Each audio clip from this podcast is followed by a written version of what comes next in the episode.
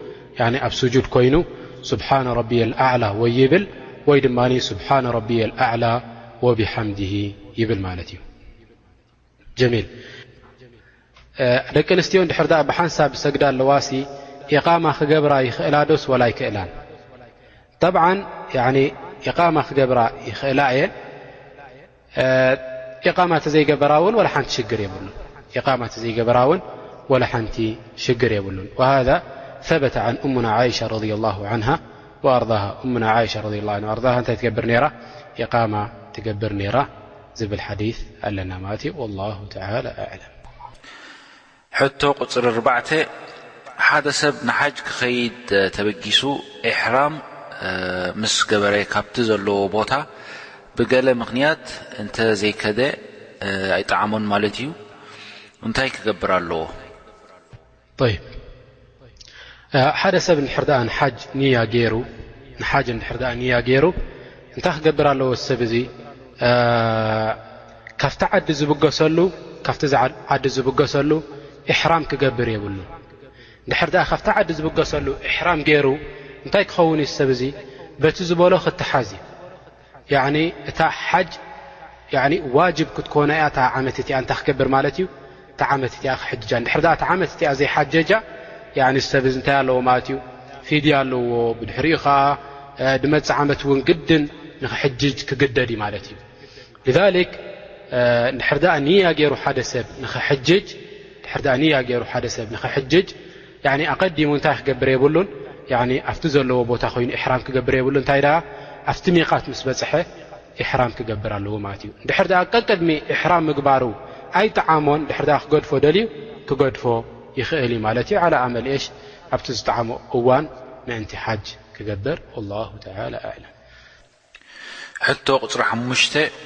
ኣብ ምስልምና መጽብዓ ምእታው ከመይ እዩ?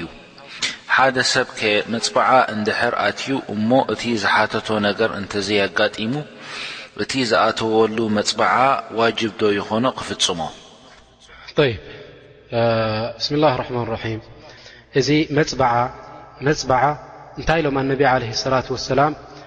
ኢነማ ሁወ እሽ ዩስተኽረጁ ብሂ ምነል በኺል እዚ መፅባዓ እኮኒ ካብ ጠማዕ ሰብ እዩ ድወፅእ ካብ ጠማዕ ሰብ እዩ ድወፅእ ኢሎም እንታይ ማለት እዩ ያዕኒ ንረቢ ስብሓንሁ ወተዓላ እንታይ ትብሎ ኣለኻ ማለት እዩ ያዕኒ ኣነሲ እንድሕር ደኣ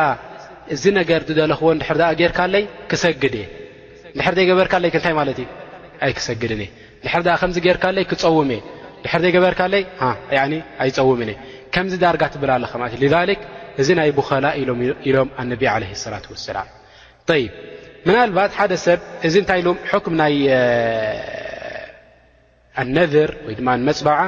መክሩህ ኢሎም ኣህልልዕል መክሩህ ኢሎም ላኪን ሓደ ሰብ እንድሕር ደኣ መፅብዓ ገይሩ ከ እንድሕር ደኣ መፅብዓ ገይሩ እታ መፅብዓ ድገበረላ ነገር ከኣ እንድሕር ደኣ ሓላል ኮይና ጣዓ እንድሕር ደኣ ኮይና ዋጅብ ዓለይህ ክትግብር ኣለዎ ዋጅብ ዓለይህ ክትግብር ኣለዎ መዓስ ኢኸ ዝትግብራ እዛ ነገር እዚኣ እታ ዝደልያ ነገር ምስ ረኸባ እታ ዝደልያ ነገር ምስ ረኸባ ንታ መፅብዓ ናቱ እንታይ ክገብር ኣለዎ ክትግብር ኣለዎ ጠይብ ከምዛ ዝሓተትካያኸ እታ ዝደልያ ነገር እንድሕር ደኣ ደይረኸባኸ ይትግብራዶ ዋጅብ ዶ ኾኖስ ወላ ኣይኮኖን ላእ ኣይኮኖን እዩ ሊኣኖ ንሱ ነታ ነገር ብምንታይ ገይሩ እዩ ኣሲርዋ ድሕር ደኣ ከም ዝረኺበሲ ኣነ ክፀውም እየ ንድሕር ደኣ ከም ዝረኺበስ ከምዚ ክገብር እየ ኢሉ ኢሉ ስለ መፅባዓ ዝኣተወ እንድሕር ደኣ ደይረኸበ ዋጅብ ኣይኮኖን እዩ ንታ ነገር እቲኣ ክትግብራ ወላሁ ተዓላ ኣዕለም ሕቶ ቁፅሪ ሽዱሽተ፣ ኣብ ቤት ዓዛእ ወይ እንዳ ሓዘን እንድሕር ከይድካ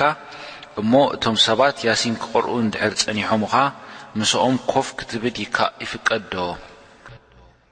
ጠይብ ብስሚላህ ራሕማን ራሒም እንድሕር ደኣ ደቂ ሰባት ያኒ ኮፍ ኢሎም ያሲን ይቀርኡ ኣለዉ ኣብ ቤት ዓዛ ገለሲ እንታይ ክገብር ኣለዎ ሰብ ዝብል ሓሳብ ጠብዓን ያኒ ሙናሳሓ ንደቂ ሰባት ነሲሓ ምግባር ፅቡቅ እዩ ያኒ እቲ ጌጋ ድገብርዎ ደለዉ ምብያን ደቂ ሰባት ጽቡቕ እዩ ንስኻትኩም ኣብ ጌጋ ኢኹም ደለኹም ሱና ከምዚ ኣይኮነን ገለ ኢልካ ንደቂ ሰባት ክትብይን ኣለካ ያኒ እቲ ጸገም ኣምጺኡ ደሎ እንታይ እዩ ጌጋ ምስ ረኣየ ሰብ ክንዲ ዝነስሕ እንታይ ይገብር ይሃድም ጥራሕ ካብኡ